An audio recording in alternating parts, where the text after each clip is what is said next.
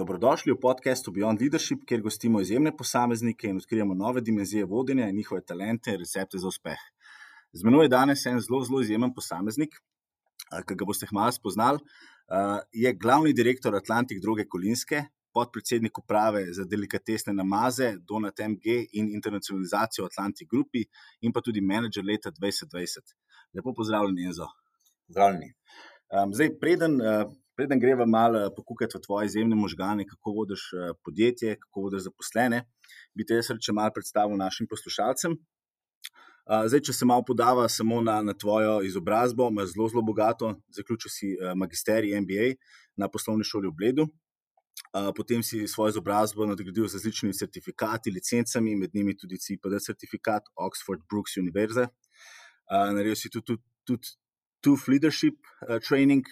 In pa zdaj pred kratkim, o tem te bo pa tudi malo vprašala, si se pa udeležil Harvard Business šole, kjer si zaključil Advanced Management program. Noro. Um, zdaj, poleg bogate izobrazbe, imaš pa definitivno še bolj bogato um, karjerno pot.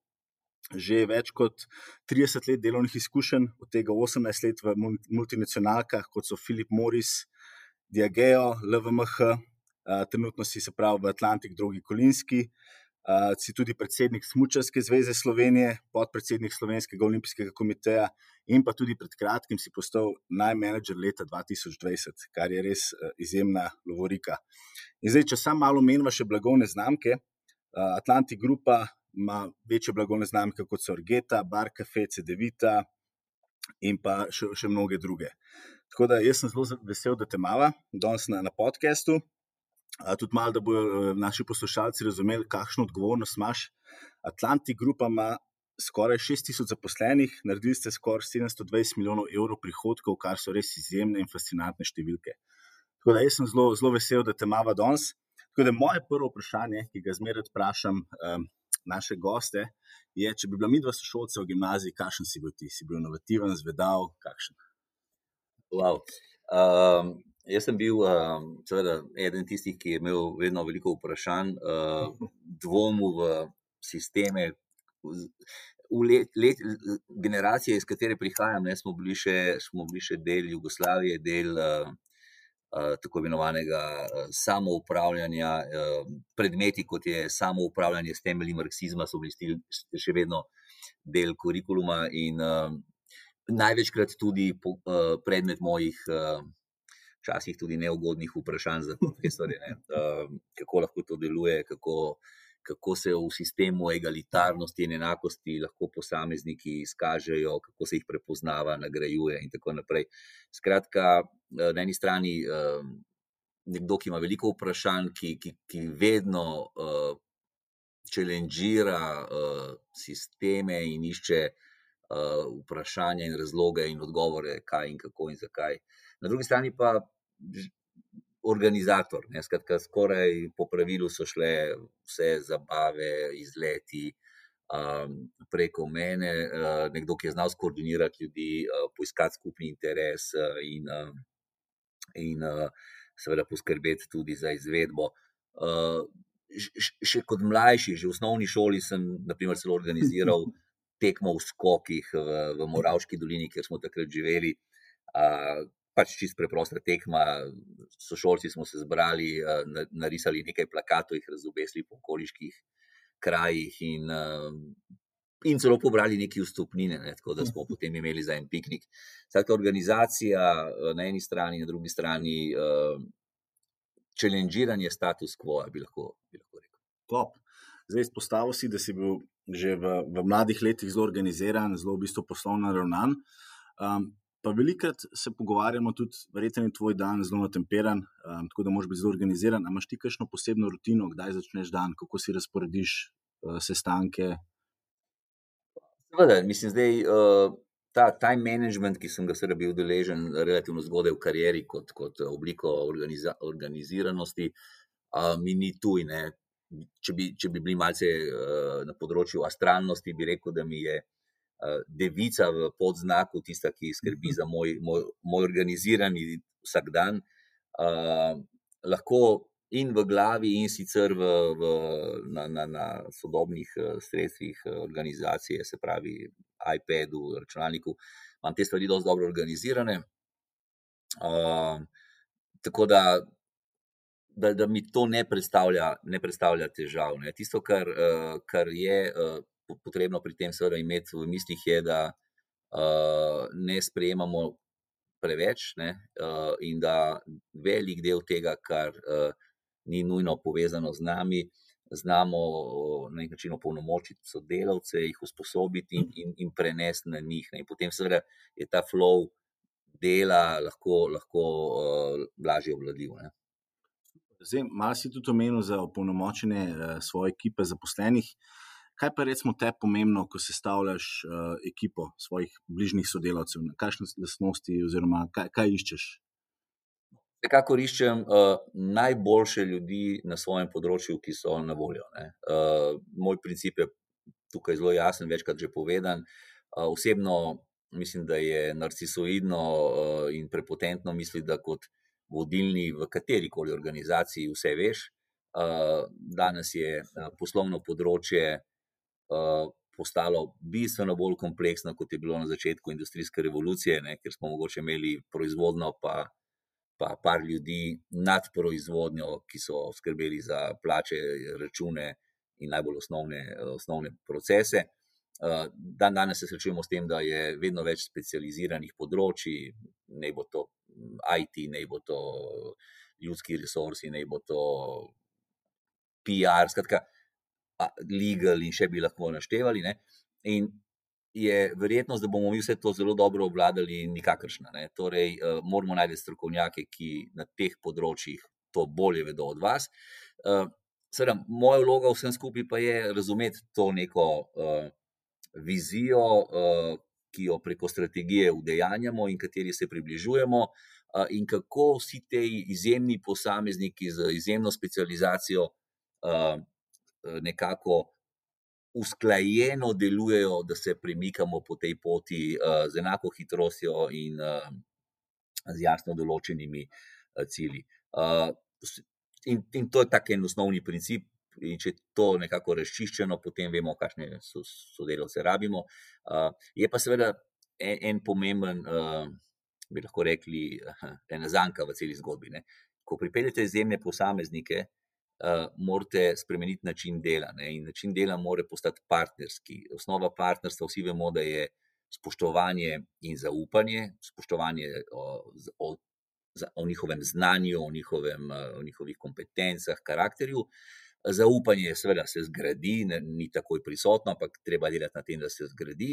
In potem je to spoštovanje in zaupanje glavni temelj tega delovanja.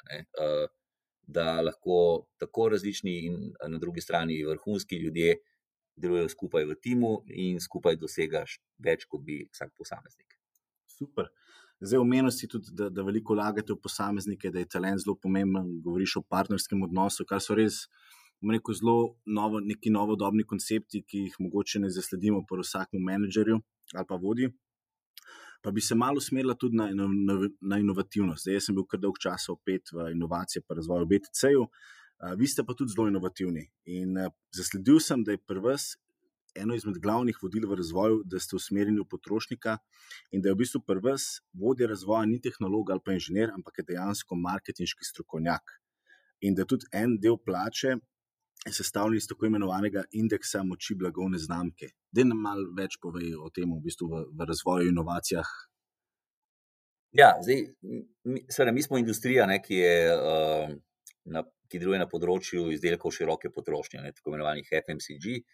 Zdaj, FMCG, ko ne bo tako mu všeč ali ne, jaz vedno pravim, da je kralj uh, marketinga, kralj consumer insighta, vse največje blagovne znamke so vedno prihajale iz tega področja in, in, in vse uh, najbolj prodorne in najnovejše prakse so se razvile svoj čas na tem področju. Uh, preprosto gre za področje, ki je uh, podvrženo velikim in konstantnim spremembam in pritiskom. Ne. Uh, poprečen potrošnik porabi tri sekunde, ko stoji pred polico, da se odloči, kaj bo vzel. Ne. In uh, ko se mi znajdemo pred polico katere koli kategorije, nam bo hitro jasno, da imamo več kot eno izbiro. Ne.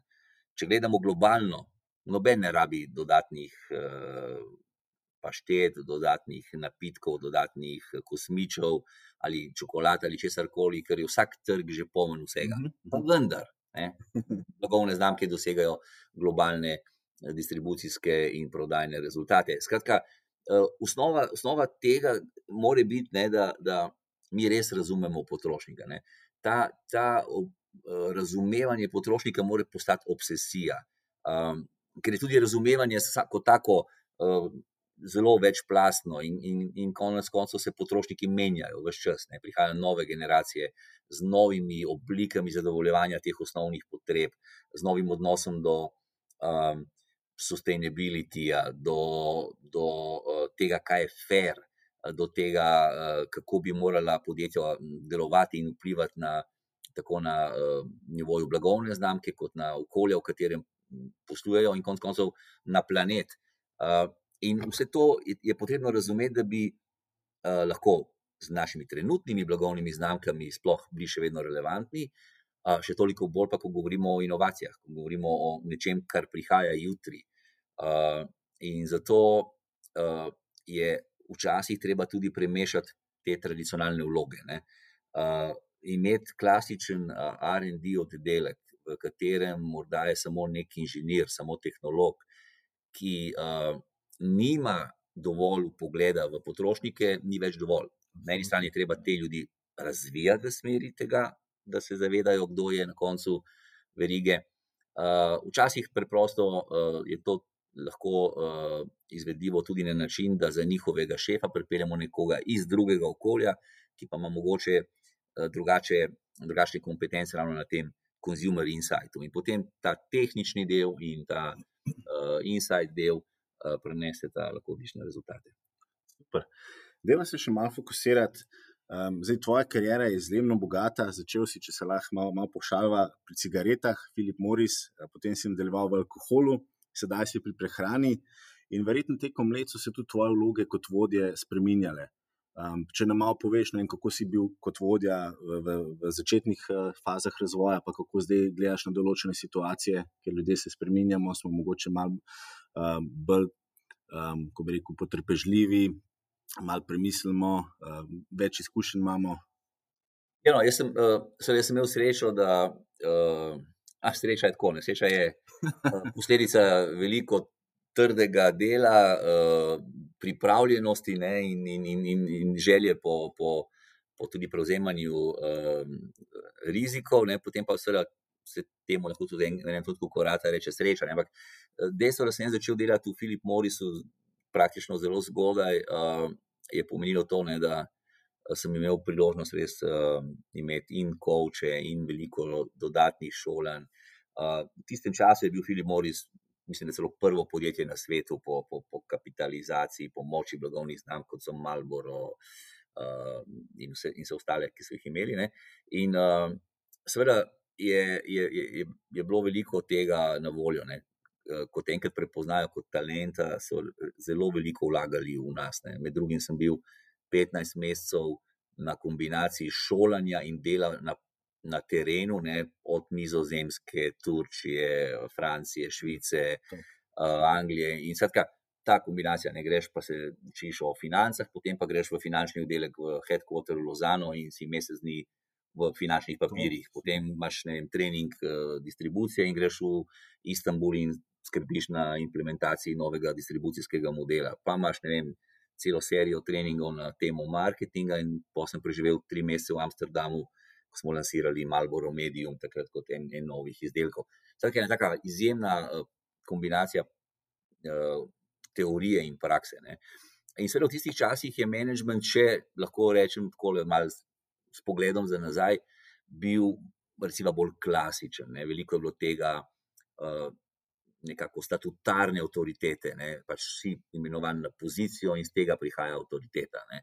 Um, veliko je bilo uh, delegiranja, veliko se je pričakovalo, da ima šef prav, da na koncu odloči. Uh, seveda se, se je to zelo hitro začelo spreminjati. V trenutku, ko je, ko je bilo jasno, da, uh, da poslovni modeli postajajo bolj kompleksni, kot je zgolj uh, serija uh, avtomatsko narejenih aktivnosti in, in, in, in zahtevajo od zaposlenih vključitev uh, glave, vključitev emocij, konc, koncev. Uh, takrat je bilo jasno, da delegiranje na star način in šef ima vedno prav, ne bo delovalo. Ne. Torej, potrebno je bilo prestopiti v eno drugo dimenzijo, začeti resno razmišljati o zaposlenih, s vsakim posameznikom posebej, poiskati njegove motive, uh, poiskati njegove razvojne uh, priložnosti uh, na njih delati, in potem, seveda, tudi uh, preko sistema in napredovanj in uh, uh, nagrajevanja uh, poskrbeti, da se te posamezniki razvijajo. In na drugi strani, seveda, menedžerji predajo del te, te avtoritete in, in, in uh, bi rekel, principa odločanja navzdol. Se pravi, da je ta uh, empowerment, ne, kot bi reklo, polnomočenje se je z vrha dol začelo spuščati. Ne. In to seveda je pomenilo, da se moramo mi kot menedžerji zelo veliko, zelo veliko naučiti in spremeniti. Ne. Jaz sam sem prepoznal uh, v sebi to potrebo, da, da se spremenim zato sem končal uh, certifikat za NLP, trenerja, uh, končal sem certifikat coaching in mentoringa na, na, na Oxfordu. Uh, tough leadership je skandinavski princip vodenja in dajanja, predvsej, bi rekli, protestantsko direktnih in konkretnih uh, feedbackov in, in uh, prepoznavanja nekega state of minda in, in, in klime v prostoru. Uh, skratka, stvari, ki bi jih prej pripisali morda nekemu psihologu, uh, ja. kliničnemu uh, psihiatru in tako, vendar je danes to pomembno tudi na nivoju menedžmenta, ker ravno to razumevanje uh, človeka, razumevanje vzgibov, uh, kaj, zakaj se tako odzivamo, uh, kaj nas motivira. Uh, je nekaj, kar danes menedžer mora razumeti. Ne? Kot sem rekel, danes si samo prvi med enakimi, in bolj kot boš poskrbel za to, da bodo uh, tvoji sodelavci opolnomočeni, uh, več se bo sprostilo te neke energije, zaupanja, timskega dela in dinamike, ki bo na koncu prinašala vrhunske rezultate. Izpostavil si dve zelo, zelo ključni stvari. Se pravi, eno je, da si kar nekaj časa preživel v tujini, drugo pa, da si v bistvu veliko lagal vase, v svoj razvoj, v, v, v nova znanja. Uh, Kako je po tvojem mnenju danes, v, v tem zelo hitrem, zanimivem času, kjer je digitalizacija zelo napredna, pomembno prvič, da posameznik gre v tujino, da dobi ta nek drug mindset, neko drugo razmišljanje, pa hkrati, da, da se zaveda, da je treba vlagati vase, da je skozi stalni razvoj, stalni napredek.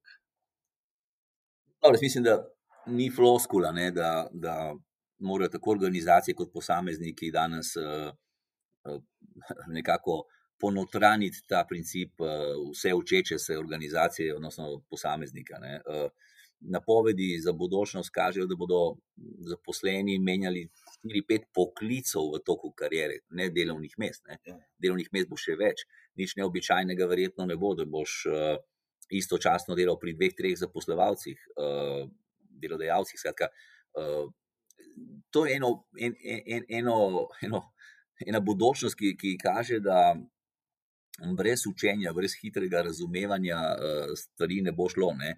Uh, nekako prihajajo v spredje uh, generalisti, ne. skratka, seveda bojo pomembne še naprej specializacije, ne. vendar veliko specializacij bo prevzela umetna inteligenca, skratka, stvari, ki so repetitivne narave, ki, ki se jih da z algoritmi predvideti, ne bodo več potrebne. Skratka, potrebno bo nekaj, kar bo bolj generalistične narave, kar bo uh, imelo v uh, pogled v različna področja in jih znalo nekako združiti. Ne. Skratka, uh, sam sem se vedno nekako trudil uh, razumeti uh, in se izobraziti ali vsaj podučiti, če temu lahko rečemo. Na, na, čim širših, na čim širšem področju. Ne. Zanima me biologija, zanima me fizika, zanima me, uh, kaj se dogaja v svetu. Uh, uh, naprimer, ne celo uh, celo zelo veliko pozornosti uh, polagam ravno temu, ne, futurizmu, ne, uh, ljudem, ki so specialisti, da, da iz vseh tehnoloških dognanj, spoznanj eh, in razvoja predvidijo, kakšne bi te implik bile implikacije tega lahko v bodoče. Ne. To me blazno fascinira, tudi kot nekoga, ki sem vedno imel raznanstveno fantastiko. Ampak uh, kaže na eno, na, eno, na, eno, na, eno, na en princip, da se bomo morali pravzaprav vse čas učiti in, in, in na tem delati. Ne. In, uh, to, to preprosto, preko bomo to razumeli, bolj bomo na to pripravljeni. Top, full dobro, odgovor, se strinjam. Zdaj, ena stvar, ki je tudi meni, uh, mi še zdaj pomaga in me je zelo zaznamovala, so bili, da sem imel v življenju določene mentorje. Med njimi je tudi uh, Damien Kralj, uh, ki je še zdaj moj zelo dober prijatelj. Ampak imaš ti tudi, bi lahko izpostavil, kakšno osebo, ki je tebe zaznamovala, pa ti je bila mentor, pa ti je v bistvu pomagala, si se od nje učil. Jaz sem, kot rekel, ne, sistem teh multinacionalk v tistih časih je bil uh, zelo ne, naravnan na to, da si hitro dobil koča. Uh, in to včasih, ko se v naših prostorih sploh še ni kaj dosti ja, govorilo. Če se prej mogoče ne odgovori na to, kakšen je pomen tega id ven. Ne. Uh, gre, ne gre samo za to, a je znanje od zunaj na voljo. Znanje je danes na voljo povsod. Ne. Digitalizacija omogoča, da vstopamo v, v kompletne baze znanja najboljših fakultet na svetu, če imamo voljo in željo. Uh, bolj je pomembno to, ne, da mi se, smo še vedno v enem prostoru gospodarskem, kjer smo izrazito ne, ne kako bi rekel, raznoliki. Ne. Za nas se raznolikost konča na tem, koliko je žensk, koliko je moških, kar je ok, ne, pomembna tema, vendar to je samo A od ABCD. Ja. Mi nimamo verske raznolikosti, mi nimamo nacionalne, rasne in še bi lahko uh, svetovno-nazorske, kar je najbolj pomembno. Ne. In, in ravno ta raznolikost je potrebna, da, da, um, da lahko naredimo preboj iz Slovenije. Če ne bomo pač razumeli dobro Slovenijo, ampak slovenski trg z dvojimi milijoni potrošnikov ni dovolj velik. Ne. In seveda, koči v tem smislu, ne, jaz sem imel pač ta luksus, da sem imel tuje koče. Ne, uh, Podpredsednika Gemini Consulting Group iz Londona je bil dolgoletni moj coach. Uh, in, in seveda, ta pečat, ki ti ga pustijo te ljudje, je izjemen. Ne? In ne gre toliko za to, da, da so oni v vlogi mentorja. Coach je vseeno drugače kot mentor. Ne? Mentor je nekako predaja neko znanje. Coach pa te spodbudi, da si sam pri sebi razjasniš, ne? kaj hočeš, kdo si, mhm. kaj so tvoje dobre lasnosti. A boš delal na izboljšanju slabih, ali boš še poudaril dobre. In kako to vpliva na dinamiko v kolektivu, v, v tvoji karieri, v odnosih. Uh, no, in jaz sem spravi, imel to srečo, da sem imel kar nekaj takih kočov uh, in sem vedno jih izkoristil za to, da sem svojo pozicijo nekako razčistil, sam s sabo, ne, uh, da sem nekako našel to svojo avtentičnost, bi lahko rekel. Ne, ker konec koncev mi se lahko veliko stvari naučimo, ne, ampak vsi mi vemo, da naučene stvari ne delujejo pristno. Uh, avtentičnost je pa tista, ki deluje pristno. Uh, ljudje bodo marsikaj ti oprostili, če bo to avtentično, v primerjavi z nečem, kar je naučeno. No. Da mi, mi še malo povej, zdaj en izmed tvojih uh, vlaganj v, v svoj razvoj je tudi, da si šel na Harvard Business School, ki je še zmeraj številka ena uh, v svetu. Uh, tako da, kot ti, tudi jaz sem preživel kar, kar nekaj časa v Ameriki, tudi tam zaključil magisterij. Um, pa me zanima, uh, ti si v Sloveniji zaključil šolanje, potem si šel tudi v Ameriko. Kje vidiš neke razlike ali pa kaj je te bila neka dodana vrednost, da si šel v Ameriko, ampak pa recimo nisi nadaljeval v Sloveniji uh, šole? No, zdaj. Prvo, ne vem, če kaj takega v Sloveniji obstaja. Načeloma ne, ja, ni. Po magisteriju ja. ali pa po, po MBA-ju je to. to ja. uh, mislim, Harvard, bodimo realni, ne? Harvard je tako nekako. Ne? Uh, uh, sveti gral. Ja. Vsi beremo Harvard Business Review, pa tudi na drugih šolah, ko smo delali MBA, je večina caseov bilo iz Harvarda. Ne? In Harvard je tako nekako ta meka, ni edina, seveda, tle so še MIT, pa Stanford, pa še mhm. verjetno bi najdel marsikoga. Vendar je, ko sem imel možnost izbirati, sem se odločil za Harvard in seveda šel čez dosti rigorozni postopek sprejemnih um, procesov in bil sprejet. Uh, kaj, kaj je prednost? Ne? Prednost je, da seveda ne, si v družbi 50 nacij. Skratka, moji sošolci in sošolke so bili iz 50 različnih držav, iz številnih industrij, uh, popolnoma različnih uh, C-level profilov, od uh, IT-ja do HR-ja, do, do, do, do, do CEO-jev in tako naprej, ne, in različnih velikosti podjetij, ki so imeli pod sabo milijardne uh, prihodke. Ne. Skratka, Uh, en velik del učenja ne, je povezan ravno s to interakcijo s temi sošolci, ne, kjer seveda ti predelali smo preko 100 caseov ne, in prebrali preko 30 knjig in, in imeli ne vem koliko zunanjih predavanj in, in gostov in, in, in sicer, ne, ampak uh, in, in to je en pomemben vir znanja. Ne. Drugi pomemben vir znanja je ta interakcija. Ne. Točno to, kjer, kjer spoznavaš te različnosti pogledov. Ne. V moji skupini sem imel sošolca iz Nigerije, Japonske, Singapurja, Dubaja, Avstralije, Amerike, Švice. Ne. In, in preprosto ta interakcija je tista, ki, ki bogati, pri čemer smo se izjemno zbližali, vseeno je dva meseca biti 24-7, kot bi temu rekli, 24 eh, ur na dan skupaj.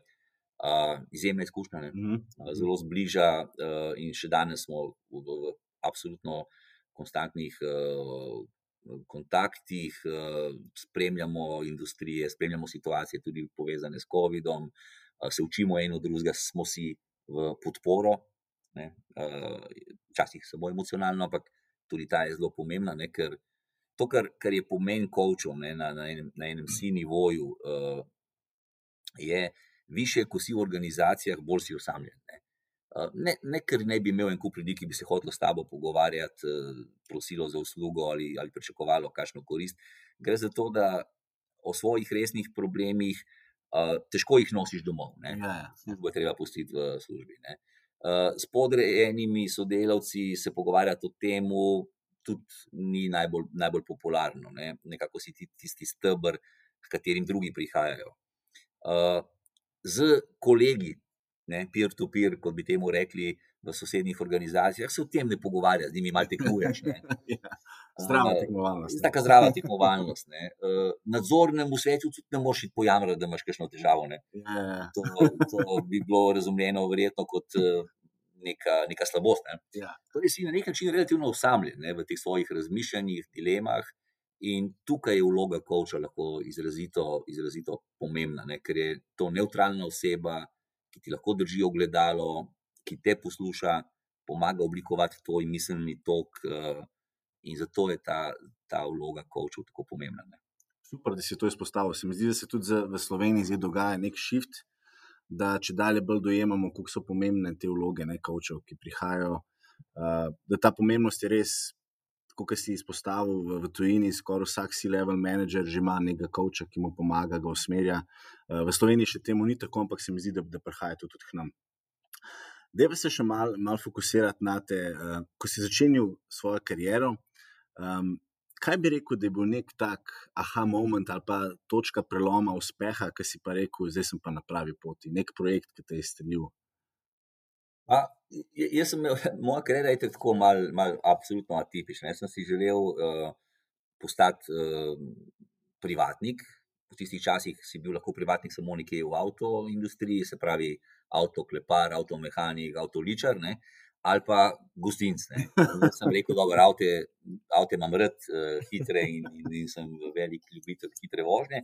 Vendar ni, nisem se videl v, v, v tem, sem se odločil, da bi pač preko gostinstva en dan prišel do enega svojega, recimo, manjšega hotelčka in tako nekako bil sam svoj gospodar, če temu tako lahko rečem. Uh, No, in seveda sem tako tudi začel. Ne. Jaz sem prvo leto delal, bil sem štipendist hotela Slon, ne celo. Ne. In uh, videl, da ta sistem je vseeno malo preveč rigiden. Takrat so se začeli odpirati duty free po celi uh, Jugoslaviji, bivši. In ker sem znal nemško, italijansko, angliško, sem hitro dobil tam priložnost. Uh, in po kakšnem letu dela v duty free prodajalni kot vodja popodanske smene, pri praktično zelo mladih letih. Ne, uh, prišel v kontakt z predstavnikom Filipa Morisa, ki je obiskoval te duty free. Ne. On mi je pač povedal, da, da, rabijo, da iščejo en, nekoga, ki bi bil predstavnik Filipa Morisa za celo Slovenijo, plus en del Hrvaške. Prijavil sem se, nekako jih prepričal, hkrati pa šel iz. Uh, za, na pol nižjo plačo. Ne. Skratka, ne gre vedno samo za srečo, včasih moraš v karieri tudi stopiti še en korak niže, pa kljub temu, da je to včasih v plači, včasih v poziciji, ampak če imaš širšo sliko, greš na, gre, tudi to spremeš. Mo, mo, moj, moje razmišljanje takrat je bilo, da uh, je iti iz duty free, ker so bile res izjemne plače in ostajalo je napitnine in vsega, v pol manj plačano delovno mesto, pa, kjer pa se bom naučil čisto drugih principov dela, gre za multinacionalko, gre za. Uh, gre za potencijalno neko perspektivo, da je to vredno, da je to vredno riskirati. In skazalo se je, da je temu tako. Uh, in seveda, takoj ko sem začel delati v Filipu Morisu, sem delal več, kot so delali vsi ostali, in delal sem stvari na zalogo. Temu jaz vedno rečem, ne, uh, če, se, če trdo delamo in dobro delamo, potem bo enkrat tudi nastopil trenutek sreče. Ne. Za mene je ta trenutek sreče bil, ko, ko sem že napredoval v Filipu Morisu in bil odgovoren za vse potnike na terenu za Slovenijo. Je prišel pač eden od uh, takrat nekaj nivojev nad menoj, šefov iz Švice, na obisk Slovenije in si je, in si je zaželel uh, videti, kako delamo. Ne. Jaz sem pa seveda ekipo zložil, pripravil in ko se je začela ta prezentacija, vsak od ekipe imel svojo analizo svojega mikrookolja, priložnosti, kaj delamo, popolne preglede in je bil to totalen šok za, za tega. Ne, tega direktorja, ne, ja. ker na tem nivoju, v tistih časih, pač svoj analiz in nekih uh, pogledov, makro, mikro, okolje sploh ni pričakoval. Ne. Začel si z mano, potem pa navzdol. Uh, tej prezentaciji je sledilo, uh, je, je on si želel iti pogledati teren, ne, ker teren je pri nas osnova, ja, ja. Ne, da razumemo, kaj se dogaja, kako to zgleda. Prišel je meni v pisarno, rekel: Greva na teren, se neko je soke, kam bi pa želel. Je rekel: Ne vem, ti povej, jaz sem odprl ormaro in je bilo zloženo, cela Slovenija na osem teritorijev, vsak teritorij je imel svojo mapo, tako smo bili še zelo, zelo, zelo uh, nismo bili digitalni, ampak smo bili v, v printih in v, v fasiklih. Vse, ko izvoli, izberi kjerkoli teritorij, on je potegnil ven štiri, to je bil teritorij celja in okolice. In so se sedela v avto in šla tam, poklicala potnika, da naj jo počakal, pregledala vse trgovine, on je pregledal vse materijale, na kar je šel med trgovinami, ko smo se vozili, je prosil, da gre še posebej za potnikom. Medtem ko se je vozil s potnikom, ga je malo vprašal, kako pogosto sem na terenu, kako se komunicira, kako funkcioniramo. No, skratka, na poti nazaj. Po stari cesti, še čez Trojane, se spomnim, da me je vprašal, je rekel, uh, a bi ti lahko bil odsoten od doma kakšno leto. Uh, to ni bilo lahko vprašanje, ker takrat sem jaz bil uh, ravno kar poro, mlado poročen, uh, žena je bila noseča uh, in ne, taka, taka ponudba, da za kakšno leto odideš, ni, ni bila najbolj enostavna. Uh, doma sta se pogovorila z ženo in se odločila, da je to ena od teh kariernih priložnosti. No, in takrat sem bil pol izbran za enega od teh. Uh, Talentov in postane na teh 15-mesečni uh, rotacijo po celi, po celi Evropi. Eh, ker takrat je namreč Filip Moris ugotovil, da tako hitro rastejo in se selijo proti vzhodu, da preprosto imajo premajhen pul talentov in so v vsaki državi izbrali enega ali dva.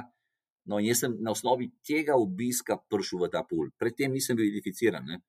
Ampak seveda, to, da sem jaz vse to imel pripravljeno, da sem vse to tako delal, da sem dvigoval standarde, sam zase. Danes težko rečem, da sem vedel, a bo kdaj te, to prišlo prav. Ja. Vedno pride prav. Ne? Zato pravim, delati dobro in delati veliko, uh, in iti preko pričakovanj, potem pa enkrat nastopi trenutek sreče. Ne? Zdaj, te, tebi se vidi, da kar žariš, da imaš to strast in da, da so zaposleni res zelo pomembni, da zelo lepo skrbiš za njih, oziroma skrbite. Um, zdaj, jaz sem zasledil, da so plače pri vas za 44 odstotkov više od poprečja panoge in da imate ogromno nekih dodatnih uh, bonusov, da imate dodatne zdravniške preglede, imate dan vrednot, športni vikende in pa dejansko, da imate več kot 40 športnih, kulturnih in družbenih uh, klubov, kar je res izjemna številka. Tako da mi malo povej, prvič, kaj je dan vrednot, pa wow, ne, kako ste dosegli to, da imate res tako dobro kulturo, da res se zaposleni prvo zelo dobro počutijo. Uh, ker to danes je za to, tako veliko korporacijo res velik izziv. Zdaj, najprej, mor, najprej more lastnik ne, in najvišje vodstvo v to verjeti. Skratka, uh, mi, mi imamo lastnika in, in CEO-ja Emila Tedeskija, ne, ki ima zelo znan uh, rek, izrek, ne, ki pravi, da je v poslu najbolj pomembna uh, funkcija matematično deljenje. Ne.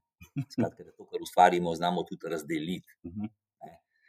Na to se referira. Ja, v našem jeziku je rahlo drugače izpade. Ampak Um, gre za to, da se demo, demo delati, demo dobro delati, demo uspehe dobro proslaviti, ne? predvsem pa poskrbeti, da imamo od tega vsi nekaj. Ne?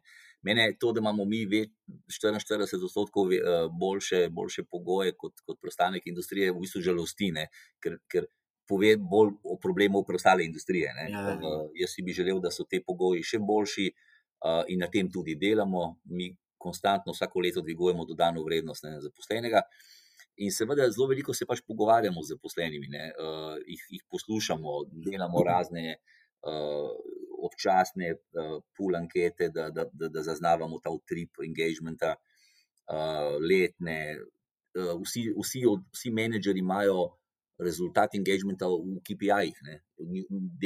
Njihov bonus, del njihovega bonusa je odvisen od tega, kako ljudje funkcionirajo, kako so zadovoljni in kako oni kot management pri tem prispevajo. Ne? Ker na koncu koncev mora to biti vseeno skupni napor. Ja. Ne pomaga, če samo pet ljudi na vrhu to misli, če se to ne uh, spusti, spusti do, do nivoja vsakega, vsakega šefa.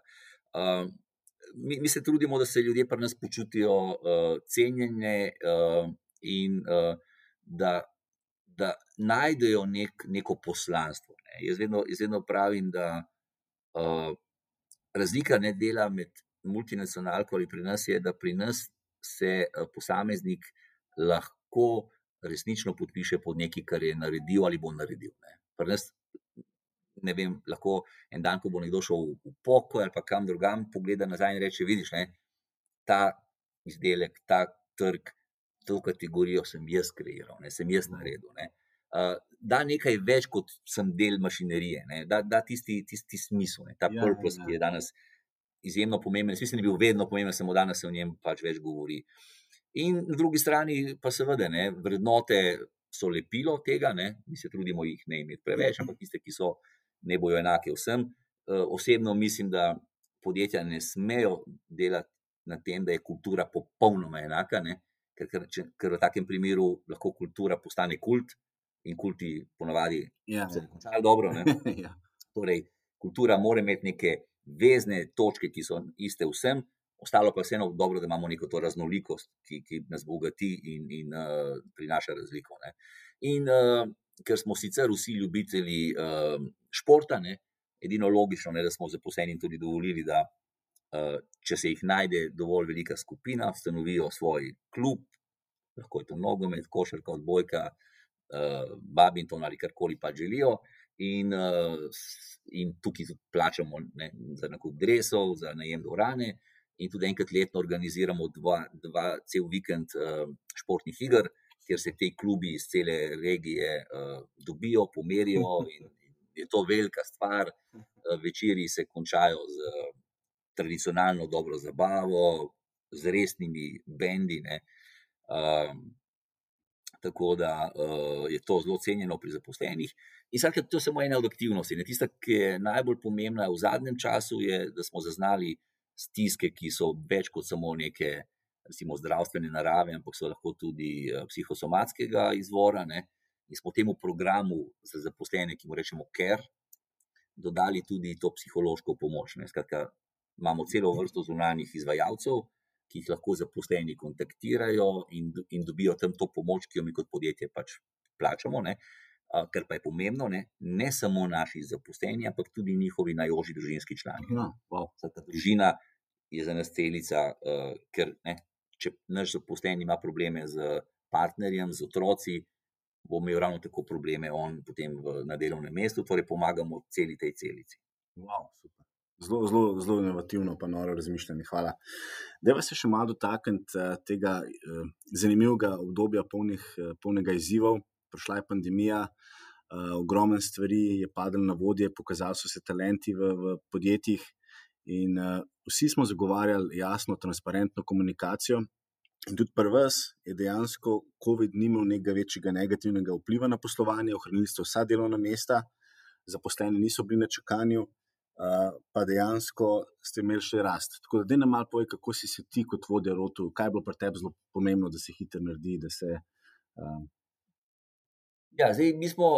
Uh imeli spet malo sreče v nesreči, ampak to je vedno tako, ta sreča je vedno ena posledica nečesa. No? Ampak dejstvo je, da imamo mi eno od proizvodov v Izoli, na meji z Italijo, in takrat smo vsi spremljali, kaj se dogaja v Italiji. Ne?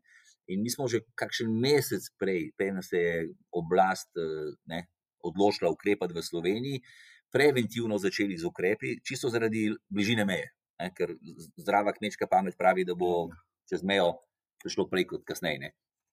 Zanimivo je, da danes temu ni tako in je slovenska obala ena najmanj mhm. okuženih, in že takrat je bilo temu. Ja, ja. Ne? Ampak ne glede na to, mi smo začeli z ukrepi mnogo prej, uh, kar pomeni, da dvignili smo uh, nivo uh, teh preventivnih ukrepov, poskrbeli za zdravje in mhm. varnost zaposlenih, uh, začeli takoj skrbeti za to, da bo likvidnost ustrezna, nabavili čim več repromaterialov.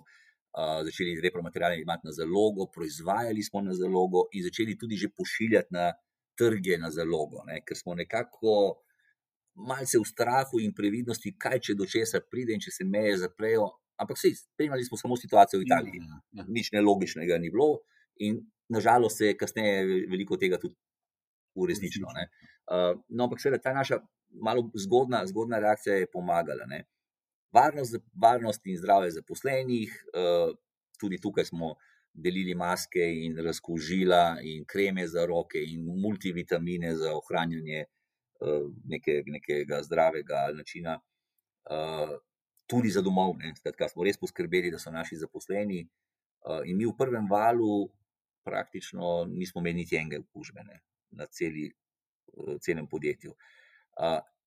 Tako da ta del je bil pomemben. Ne. Sedaj na drugi strani pa potem zagotoviti to neko atmosfero. Ne. Poslati 1400-1600 ljudi na, na delo od doma, vseeno zahteva eno, ja. eno uh, dobro logistično podporo. Tu se je skazalo, da, je na, da so vsi naši dozdajšnji napori v digitalizaciji obrodili sadove. Ne. Mi nismo niti en dan, eno uro imeli zastoja, ljudje lahko dostopajo do baz, podatkov, uh, analitičnih orodij, in, uh, od kjerkoli preko VPN-a. In skratka, to lahko rečemo, da izjemno dobro deluje. Tisto, kar pa je najbolj pomembno, ne, kar se je izkazalo kot najbolj pomembno, je pa, da uh, deluje ta zauzetost, ta, ta odnos do dela. Ne. Skratka, samo zato, ker so ljudje doma, ni spremenilo absolutno ničesar. Vsi projekti gredo naprej, mi smo trenutno v pripravi naslednjih tri leta strategije, uh, tekoče zadeve funkcionirajo. Uh, hitro smo se prilagajali vsem spremembam, tako prodajnih kanalov, kot potrošniških navad, ki niso majhne, uh mhm. in nekako lahko rečemo, da smo zaenkrat na številkah, ki so bile v budžetih. Jaz sem pa ti opazil, ker ogromno podjetij po drugi strani pa dejansko ni čak, je pa čakalo in niso jasno komunicirali, niso bili transparentni vodje. Kako si se pa ti tega lotil, si tako jasno povedal, kakšni so plani za naprej? No, mi smo imeli kar nekaj oblik komunikacije, od nagovora predsednika uprave, širši skupnosti, rednih razgovorov in pošiljanj obvestil vsem zaposlenim.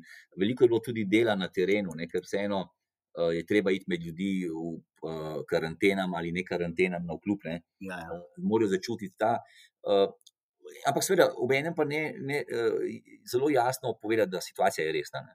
Torej, to je eno zavedanje resnosti in zavedanje tega, da je od nas odvisno, kako bo ta resna situacija vplivala tako na naše prihodke, kot posledično na naše prejemke. Ne. Mi smo izjemno ponosni na to, da nismo nobenega odpustili, nobenega dali v, v, v zmanjšano obliko plačila. Nismo prijeli niti evra uh, od raznih subvencij, ki so bile na voljo, niti jih nismo vprašali, Nasprotno, sami smo donirali vem, 400 tisoč evrov eh, na, na račun vlade, kupili, kupili skoraj 500 računalnikov za otroke, ki niso mogli delati od doma, ker niso imeli ne vem koliko, 300 modemov in še in še in še. Ne. Skratka, zelo veliko smo dali skupnosti, uh, ob enem nič prejeli in tudi to nekako naše zaposlene navdaja z. z uh, nekim občutkom ponosa, ker je naš princip dejansko bil ta solidarnost. Ne. Torej, v solidarni bomo do samega sebe in do okolja, kot nam bo dopuščalo, uh, in nobenega ne bomo pustili za nami. Občestitam. Da mi še malo povej, da se malo dotakniti. Prej smo govorili o vlaganju vase v razvoj, v razne izobraževanja. Um, pa mi povej, ti kot vodja, kaj bi pa rekel, da so do nas glavne lastnosti ali pa tvoje dobre lastnosti v tem, recimo, zelo hitro naprednem trgu, časi se spremenjajo, trgi se spremenjajo, poslovni modeli. Kaj, kaj bi zase rekel, da so dobre lastnosti, ki jih imaš, ali pa kaj, kaj bi mogel imeti nek novodobni uh, vodja glavne lastnosti? Kot sem rekel, danes je delo vodi, uh, seveda v enem trenutku, ko so strategije pripravljene, jasne, nekje 30 postov posvečeno temu. Ne? uh, 70% pač delu za ljudmi, ne? ker konec koncev. Jaz sem videl krasno napisane strategije, nekaj časa sem bil svetovalec v karieri, uh, in so potem podjetja propadla, ne? ker samo, samo dobro napisana strategija, pač brez eksekucije, je sanjanje. Ne? In uh, uh, da pa bi se eksekucija uspela, so pa pomembni ljudje. Ne? In mislim, da ni razlike danes ali včeraj, ne, eh, odvedno bi se morali z ljudmi veliko ukvarjati, eh, razumeti, prepoznavati prave ljudi na pravo mesto, eh, razvijati njihove kompetence, delati na opolnomočenju. In potem imate vi eno armado ljudi, ki, ki, ki dosto samostojno, odgovorno uh, to opravlja, uh, predlaga, izboljšuje. In to je en tak konstanten, konstanten uh, uh, flow, bi rekli, bi rekli, in idej, in aktivnosti, in uh, uh, razmišljanja naprej, uh, ki ga preprosto sam ne zmoriš. Ne. Sam kot menedžer, moraš torej si vzeti čas za to, si vzeti čas za, za uh, strategijo. Mislim pa, da, kot sem že prej omenil, prihaja čas, ko, bo, ko, bo, ko bodo morali biti vrhni menedžeri zelo generalistični. Ne. Skratka, spremljati razne industrije, razna okolja, uh, Eh, pred ostalimi znati povezati eh, te, ta, ta spoznanja in dognanja, in znati ustrezno potem tudi ukrepati. Ne. Ker tipičen primer je danes, ne. kaj zdaj to pomeni. Evo, danes, ravno kar medtem, ko govoriva, je potrebno preko 700 okužb. Super. Ne. E, to, to skoraj po pravilu pomeni posledice. Ne. Kaj so te posledice, kaj to pomeni za nas, kako bomo se na to pripravili že prej, kaj, kaj, kaj bo sledilo ni napisano v nobenem priročniku in nobeni knjigi, ker je popolnoma novo okolje, popolnoma nove razmere. Pa vseeno bodo v teh razmerah in teh okolju nekateri prišli ven kot zmagovalci, nekateri pa kot poraženci. Ja. Deva še malo uh, pogledati, vi ste zelo inovativni, veliko vlagate v zaposlene, in uh, s tem pride tudi določene napake, določene izzivi. Kaj pa ti lahko izpostavil? Zdaj, veliko velik slišimo ogromnih zgodb o uspehu, tudi tvoja karjera je bila blazno, uh, je izjemna. Uh, kaj bi pa pri sebi izpostavil, da so bili pa kakšni izzivi, um, ki jih lahko deli z nami na, na tej poti?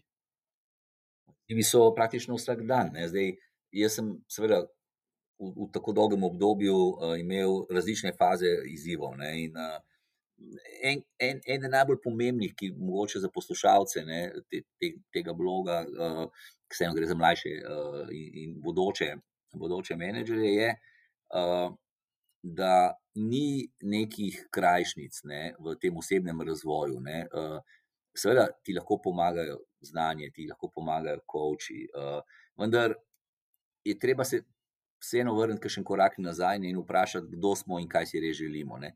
Uh, delajte samo tisto, kar, kar, kar imate res radi. Jaz, uh, jaz sem zelo hitro ugotovil, da me to delo z ljudmi veseli. Uh, sem pa delal vse napake. Ne? Uh, nekako si pričakujemo, da ko bomo kot mladi uh, postali nek, nek velik menedžer, če bi temu lahko rekli, ne? da moramo spremeniti se, da moramo postati resni, da moramo uh, ne, se drugače oblačiti, drugače obnašati. Jaz sem namreč pri 29-ih že bil generalni direktor za, za, za pol regije v podjetju Diageo, ki je znan po teh izdelkih, kot so Johnny Walker, Smirnov, Baileys in prvi v svetu, ne, v alkoholnih pijačah. In seveda, ne, zdaj se ti kar enkrat pri 29-ih znajdeš v družbi mnogo starejših kolegov na, uh mhm. -huh. na regionalnih konferencah in, in misliš, da moram tudi jaz ne, nekaj resno gledati, mrko gledati in, uh, in biti. Uh, na tem nivoju. To ni to. Ne? Torej, treba je najti to svojo energijo, to svojo avtentičnost in, in, in z njo nadaljevati pot, ker samo v tem bomo res pristni. Ne? Vse ostalo ne, ne, ne, bo, ne bo delovalo. In to je en tak večjih learningov in, in, in, in problemov, ki sem jih jaz, jaz zaznal. Uh, in seveda, ne.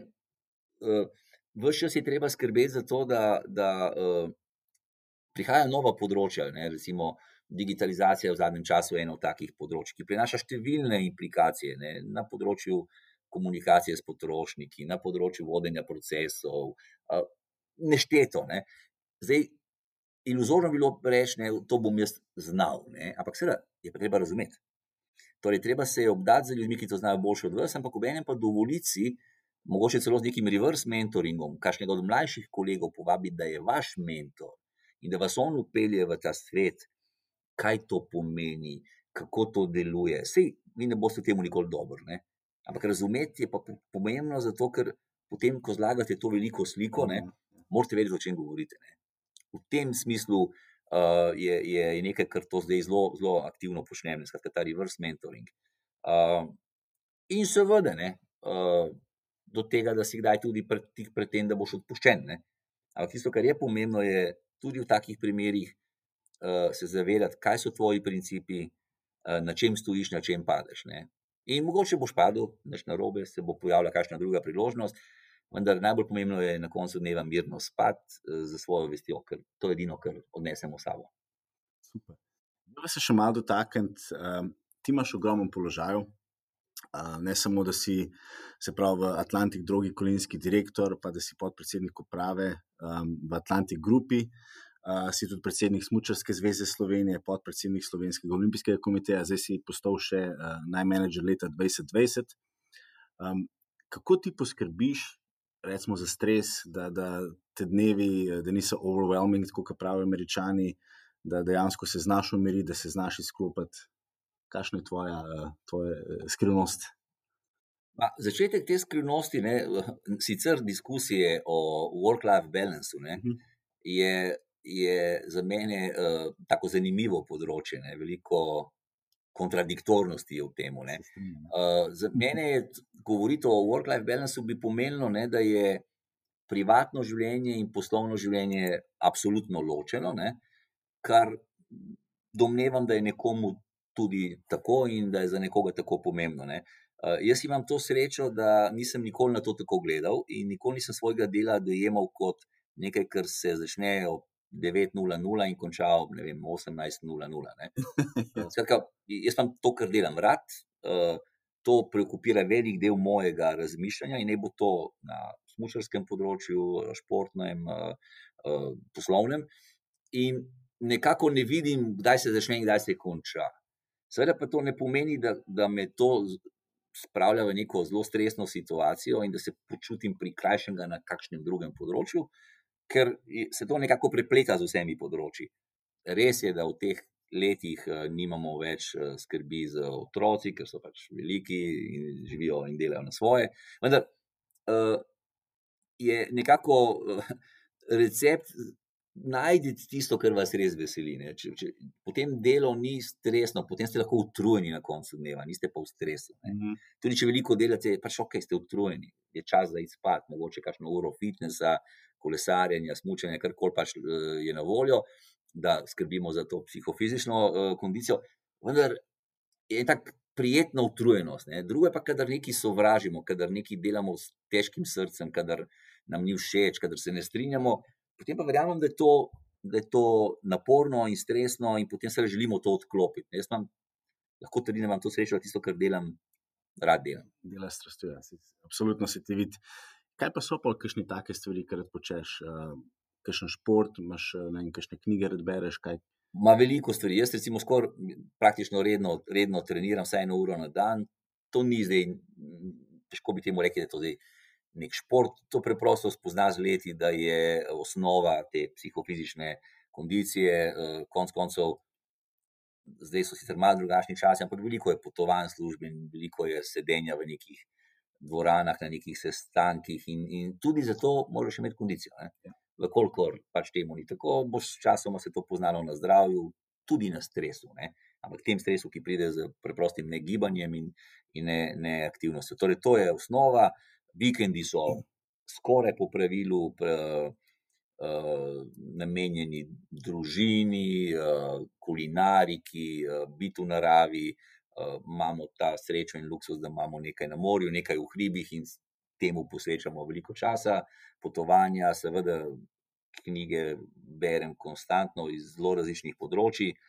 Uh, predvsem pa nekako, kot se reče, no, meni, meni je hobi tudi to, ne, da, da, da, se, da, da se lahko dam iz okvira dnevne operative in razmišljam o kakšnih konceptih, ki so včasih čisto izven dneva, ne, se pa potem pokažejo kot, uh, kot koristni tudi pri delu. Naprimer, jaz imam rad kulinariko. Uh, Poznam praktično osebno skoraj vse pomembne, pomembne šefe v bližnji in daljni okolici. In ne, z tega hobija, poznavanja, razumevanja kulinaričnih principov, uh, se je porodila, recimo, poslovna ideja uh, Argete Exclusive, ki jo Mhm. skoraj po pravilu dela kakšen od vrhunskih mišljenj šefov. Ne. Uh, torej, na eni strani poznaš to področje, poznaš svoje področje in poiščeš stično točko. Ne. In s tem narediš tudi en preskok iz kategorije paštet v eno gurmansko izkušnjo. Ne. To je tak mini primer, ne. ampak podobno je tudi na drugih zadevah. Ne. Bi rekel, ker meni, kot si opisal, če imaš eh, neko službo, oziroma ni to služba, ampak je res neka, eh, neka dodana vrednost, ki jo vidiš, nek zagon, neka strast, ki jo imaš v življenju. A bi rekel, da se dejansko kdaj odklopiš, ko greš na dopust, eh, ker danes se veš, v svetu digitalizacije, naši mobiteli so kot naš najboljši prijatelj, skozi smo preklopljeni, skozi uh, smo dosegljivi. A bi rekel, da, da je kdaj trenutek, ki si reče, zdaj bom pa res uh, samo z družino, ne bom nič. Maj seveda, jaz sem, evo, z ženo sva recimo prehodila preko 500 km kamina de Santiago. Ja, čestitam, to je Ja. nora. nora. Ja, spet bi rekel, nič posebnega, če se pač za to odločiš. In, naj, najtežje si bilo vzeti ta čas, ne, ga, ga vzeti. Ne. Ampak tudi tam sem pač pol na koncu dneva na hitro šel čez, čez maile, vsi vemo, ne, da večino mailov je za zbrisati. Eh, Tisti, tistih nekaj se, se jih posreduje sodelavcem, in praktično, če se dobro organiziraš, če imaš dobro ekipo, je, je zelo malo takšnih, ki bi sploh moral kaj narediti. Uh, osebno ne vklapljam office replya, ne, tega out of office replya, ker uh, bi mi bila misel na to, da se bom vrnil po treh tednih uh, in me bo čakalo, ne vem, ne, tisoč mailov, niti si ne upam pomisliti, koliko bi jih Ja, bilo. ne uh, bi me bolj obremenjevalo v resnici. Ne. Tako pač cel dan ne naredim nič, pride zvečer, vzamem si 15 minut časa, kot sem rekel, 80 posto je za uh, need to know basis, ne. Š- uh, Šredaš in kaj, kaj forwardiraš, in, je, in, mirno spiš, pol, ker veš, da ni nič takega, yeah, ja. yeah. pomemben mail, ki, je, ki bi se te dotikal. Ne. Uh, tako da, ampak spet ponavljam, jaz to ne jemljem kot obremenitev, ne, ampak kot eno informacijo. In tudi neko vi hodite, recimo na kaminu, delate tam poprečju 25 km na dan, so dnevi, ko jih naredite preko 30, drugi dan mogoče samo 15, ker greste na 1600-1700 visoko. To je zelo dober proces, ne, ker si veliko sam s sabo. Ne. Ne glede na to, hodi kdo spredaj, kdo zadnji, si sam s sabo. Ne. In takrat se lahko zelo te misli prečistijo, uredijo. In bi bilo dobro, je dobro, da nimaš takrat nekih, a ne, um, na koncu malih možganov, a me čaka zdaj, ne vem, Ja, ja. ko pridem nazaj. Zdaj so nekako sproti rešujemo. La- Lansko leto smo tri tedne eh, se premikali po, po, po vseh pomembnih lokacijah po Avstraliji, podoben princip. In tudi konec koncev, ko sem bil na Harvardu, kjer je bil res intenziven pr pr proces, uh, sem enkrat dnevno pogledal, kaj je za počistiti. Ne? In tako imel nekako stvari pod kontrolo. A Imaš ti še kakšen, zdaj to, to je res noro, 500 km prehoditi, verjetno res spoznaš samega sebe še boljš. Um, a imaš še kakšen tak osebni, pa kaj pa v bistvu tudi nek tvoj poslovni cilj za naprej? No, to Zdaj, po, pri vsem tem govoriti o, o tem, ma nekako nisem, eh, kljub temu, da se, da, se, eh, da se to sliši mogoče malo tako pavšalno, kako bi rekel, klišejsko. Jaz si to vrstnih ciljev nisem nikoli postavljal na ta način. Ne. Jaz sem vedno, uh, jaz sem vedno poskušal biti v tem, kar počnem, maksimalno dober in, in se skozi izpopolnjevati nadgrajevati. Uh, in potem včasih priložnost preprosto pride ne, uh, in si takrat ti pripravljen. Ni nujno, da veš, kaj bo ta priložnost. Ja, ja. Se- Seveda na začetku kariere rečeš, ok, seveda bi začel kot ne, junior, pa potem bil senior. Ok, to je vse fajn. ne. Ampak se enkrat na mojem nivoju je težko zdaj karkoli reči. Lahko se jutri pojavi funkcija v kakšnem mednarodnem okolju, športnega področja. Tisto, kar je pomembno, je, kako si ti na to pripravljen danes in kako tvoje kompetence, konec koncev tvoj imič, tvoj exposure, kažete na to pripravljenost. In potem nekako, kot sem rekel, z veliko trdega in dobrega dela pride oni trenutek, ki mu rečemo sreča, prinese priložnost, ne, če smo še dovolj pametni, jo prepoznamo in uporabimo. Pejva še malo na, na tvoje osebno življenje. Um, kaj bi bila kakšna vem, knjiga, serija, ki si jo na zadnje pogledal, da te še malo tako spoznamo? Uh. Kakšen podcast. Ja, jaz, jaz, kot pravim, jaz tako nekako multi, multidimenzionalno spremljam različne stvari. Ne, od, uh, zelo, recimo, redno pregledam, če se mi zdi kaj zanimivega na TED-toku. Tam se mi zdi tako, da se zna utrniti hitra, kakšna ideja. Ne. Leta in leta sem že naročen in, in, in spremljam ta Executive Book Summary, gre za eno podjetje, ki uh, vsak mesec, mislim, pregleda vse poslovne knjige ne, in potem izbere tiste, ki se zdijo relevantne, in na osnovi vsake knjige naredi osemstranski povzetek. Uh, uh, to leta in leta že spremljam. In, uh, če potem vidim, da je v tem povzetku kaj še posebej zanimivega, potem to knjigo eventualno še naročiš in, jo, in se jo lotiš. Uh, trenutno, trenutno nekako uh, grizem čez dve knjige, ne, ker pač ni, da si lahko vzamem kar cel dan, pa samo to berem. Uh, ena, je, ena je ta uh, True North, ne, v bistvu govori o tem nekem, uh, Bill George je napisal, govori o tem nekem avtentičnem leadershipu, kako ga najdemo, kako ga potem razvijamo in zakaj je on tako pomemben. Uh, in uh, ob enem imam pa. Tako, nekje proti koncu se počasi prebiram, ker je kar velika knjiga, ne, je pa, je pa uh, tudi eh, ne vem, če je v slovenščini na voljo, ampak je Enlightenment Now, se pravi od eh, Stevena Pinkerja. Ne, je pa v bistvu knjiga, ki govori o, o tem, kako to razsvetljenstvo je pomembno za človeštvo, ne, kako pravzaprav živimo morda v enem najboljših časov, kljub da se temu ne zdi tako. Uh -huh. Lahko pogledamo kateri koli kriterij, nikoli ni bilo tako. Nizka smrtnost od novorojenčkov, nikoli ni toliko ljudi čakalo take starosti, in lahko bi še naštevali. Zelo empirični, pokazatelji govorijo, da, da živimo v enem najboljših časov in, in ta čas je posledica vseeno nekega razsvetljenstva, nekega pristopa k temu, da smo dali znanosti priložnost, da smo dali uh, tehnologiji priložnost in da je to tudi recept, kako bomo lahko boljši naprej. Zelo zanimiva knjiga, relativno obširna, ampak jo seveda priporočam. Ne, in, uh, Obenem pa seveda si, si pa lahko privoščim čista, ne, kot bi rekel, uh, kakšen, kakšen odklop in pogledam kakšno serijo na, na Netflixu ali na, na, na, na, na se pravi HBO Go. Ne, uh, tako da to, to, to, to, to se kar malo izogibam, ne, ker znam zelo pasno noter. Potem, ja, ja, še posebej, če so na voljo, ker vse sezone, ne, pozno v noč kaj gledam. Uh, in, in tukaj tukaj sem nekdo, ki zelo, so mi zelo všeč razne te. Ne, uh, z, neko, z neko dobro dozo znanstvene fantastike, ne, ampak čim bolj realne. Ne, tako, da. Da, tako, tako skratka, vse, kar je povezano z neko prihodnostjo. Uh, mislim pa, da ni. Najnovejših ne, teh serij, ki jih ne bi pogledal, pa ne bo to Game of Thrones ali pa, ja, ja, ja. ali pa House of Cards ali pa nek blacklist ali kako tega. Zdaj, glede na to, da tudi red kuhaš, pa spoznavaš kulinariko, pa si rekel, da si velik ljubitelj. Uh, kaj je bila pa tvoja najljubša hrana? Jaz se izogibam teh ne, pridevnikov najljubših, ne, ker je to, uh, se mi zdi, da nas nekako umeji, ne, ne. Kar počnemo. Jaz, recimo, imam zelo rad glasbo ne, in, in jaz sem znam po tem, da če, če kje, evo, tudi na Harvardu sem relativno hitro postal glavni DJ cele skupine. Ne? Ker uh, preprosto imam skoraj vedno na iPadu, ne vem, tja nekje do 10 tisoč uh, komadov, bi rekel, zloženih dol. Ne?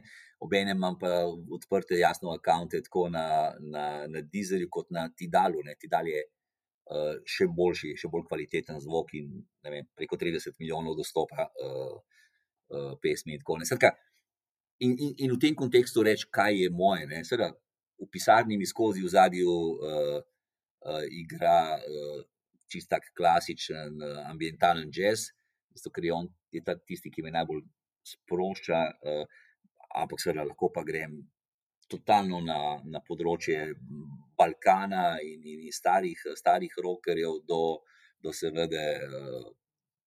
Ni, ni, mislim, da ni področja, kjer se ne bi lahko dosti kompetentno pogovarjal o glasbi. Ne? In podobno je potem tudi pri vseh ostalih stvareh, ne? pri hrani. Ne? Meni je všeč uh, uh, visoka kulinarika, uh, predvsem zato, ker je lahko zelo zanimiva uh, na področju reinterpretacije nekih tradicionalnih surovin, običajev, receptov. Ne? In dan danes je to tudi uh, mehanizem, kako lahko dobiš mišljenje zvezdice. Ne? Kako neko tradicijo pripeljati v eni sodobni izvedbi pred, pred um, potrošnika. In, in, in tu, tu uživam v tem, da se pustiš presenetiti, ne? da te presenetijo okusi in kombinacije, ki bi bile lahko zelo neobičajne. Ne? Top.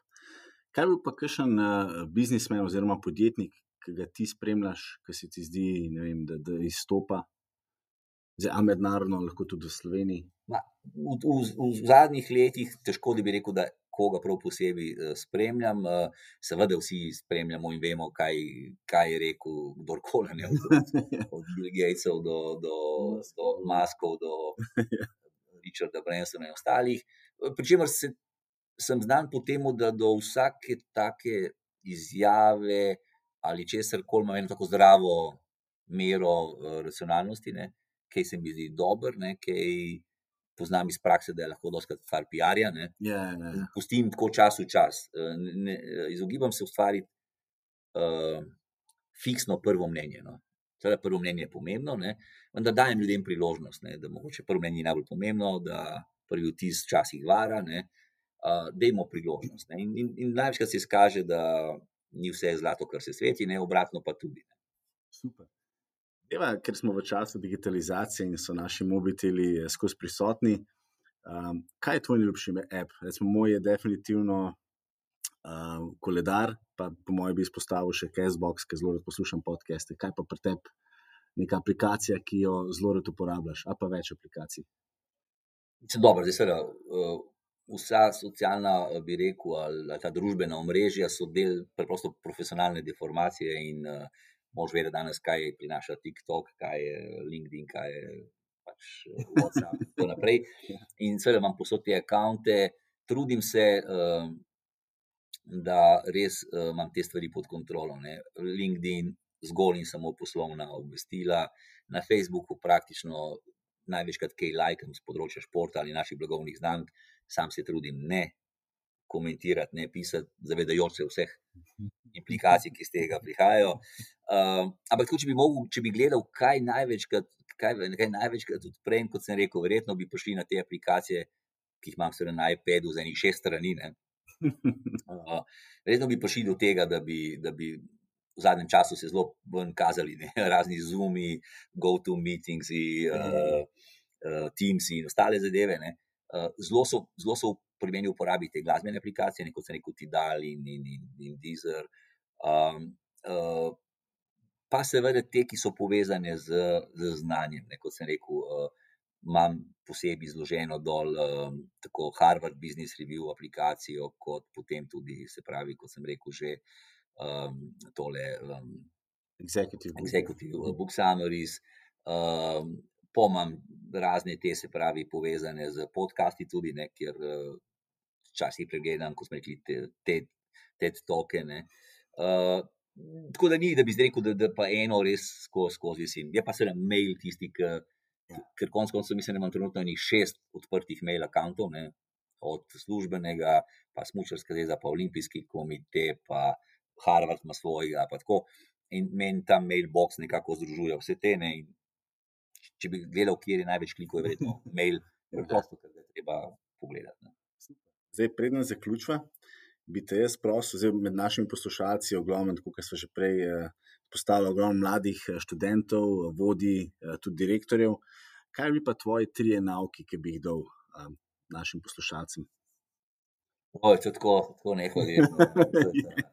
Uh, Lahko tudi več. Ja, ne, jaz, jaz, jaz nekako veliko, veliko časa namenim tudi, uh, pa nekaj časa no, namenim tudi mladim podjetnikom, mladim menedžerjem preko različnih organizacij. In, uh, in, in v delu z njimi ne, uh, se nekako držim tega, da ni recepta, ne, da ni uh, formule, ki bi bila ista za vse. Samo zato, ker ste končali eno smer šolanja, ne pomeni nič. Ne. Samo zato, ker ste začeli v enem podjetju, pravzaprav ne pomeni nič. Ne. Ja. Torej, uh, jaz vedno pravim ljudem, da je poiskati, kaj vas res veseli. Ne. A si res to želite? Tudi, če ni najbolj plačeno, trenutno, tudi če uh, ne prinaša nekega statusa, vam mora biti všeč. Ne. Torej, najte tisto, kar imate radi, in potem na tem ustrajajte. Ne. Na koncu dneva bo življenje hitro, hitro mineva. Ne. In če se bomo ozrli nazaj in ugotovili, da smo porabili 40 let ne, v nečem, kar nas ni veselilo, jaz, jaz tega recimo ne bi želel. Ne. Ja. Torej, moj svet je vedno, uh, najti to, kar, ima, kar imate radi in, in na tem ustrajate. Ne. Uh, drugo, uh, bodite pri tem avtentični. Ne. Ta avtentičnost uh, je konec koncev tudi tista, ki dela razliko, je to tisto, kar denar ne more kupiti, kar se ne moramo naučiti. In, uh, in je v, v časih, kjer so odnosi izjemno pomembni. In konec koncev, v časih, kjer bo umetna inteligenca nadomestila marsikaj, ne, avtentičnosti ne bo. Ne. Torej, bod, ugotovite, kdo ste, kaj ste, in bodite to, kar, kar, kar, uh, kar ste, zvesti svojim načelom in principom, in na dolgi rok se bo to, se bo to izkazalo. Ne. In seveda, uh, mogoče, če bi mogel reči tretje, ne, uh, treba razumeti, v kakšnem svetu živimo, ne, treba razumeti, da je treba dobro in veliko delati. Ne. Treba pa tudi razumeti, da samo delo ni dovolj. Ne. Uh, delo je higienik. To, da boste vi nekaj dobro upravili, je higienik. Ne. Če ne boste ob tem, kar boste upravili, uh, imeli nekaj uh, povezanega z ugledom in z izpostavljenostjo, vam to pri karieri ne bo pomagalo. Ne. Torej, ena, ena prvih lekcij je, da ja, treba je dobro in kvalitetno in uspešno končati, kar koli delamo, ampak potem se to, to mora za sabo potegniti nek ugled in mora potegniti neko izpostavljenost. Ker če dan danes uh, v slovenskem prostoru uh, niste med prvih pet top of mind, kot se temu reče, ne, uh, boste težko prišli do kakšne zelo visoke pozicije. Ne. Ker doskrat se o teh stvarih odloča hitro. In takrat se reče, da poznamo koga, ki bi bil res dober član uprave za finance, za IT, za marketing. Ne? In če takrat niste med top 5, bo, bo, bo težje. Ja, ja. Da, da boste pa med top 5, morate pa v dobrem, uspešnem delu imeti ustrezno izpostavljenost in ugled. Super. Zdaj, Enzo, jaz bi se ti še enkrat zahvalil. Z nami je bil, se pravi, Enzo Smrekar, glavni direktor Atlantik druge Kolinske, podpredsednik uprave za delikatesne namaze, Donat MG in internacionalizacijo v Atlantik grupi in pa menedžer leta 2020. Tako da, Enzo, res najlepša hvala za tvoje izkušnje, izjemne nasvete, tvoje poglede. Res hvala. Hvala tudi vam za povabilo in uspešno še naprej.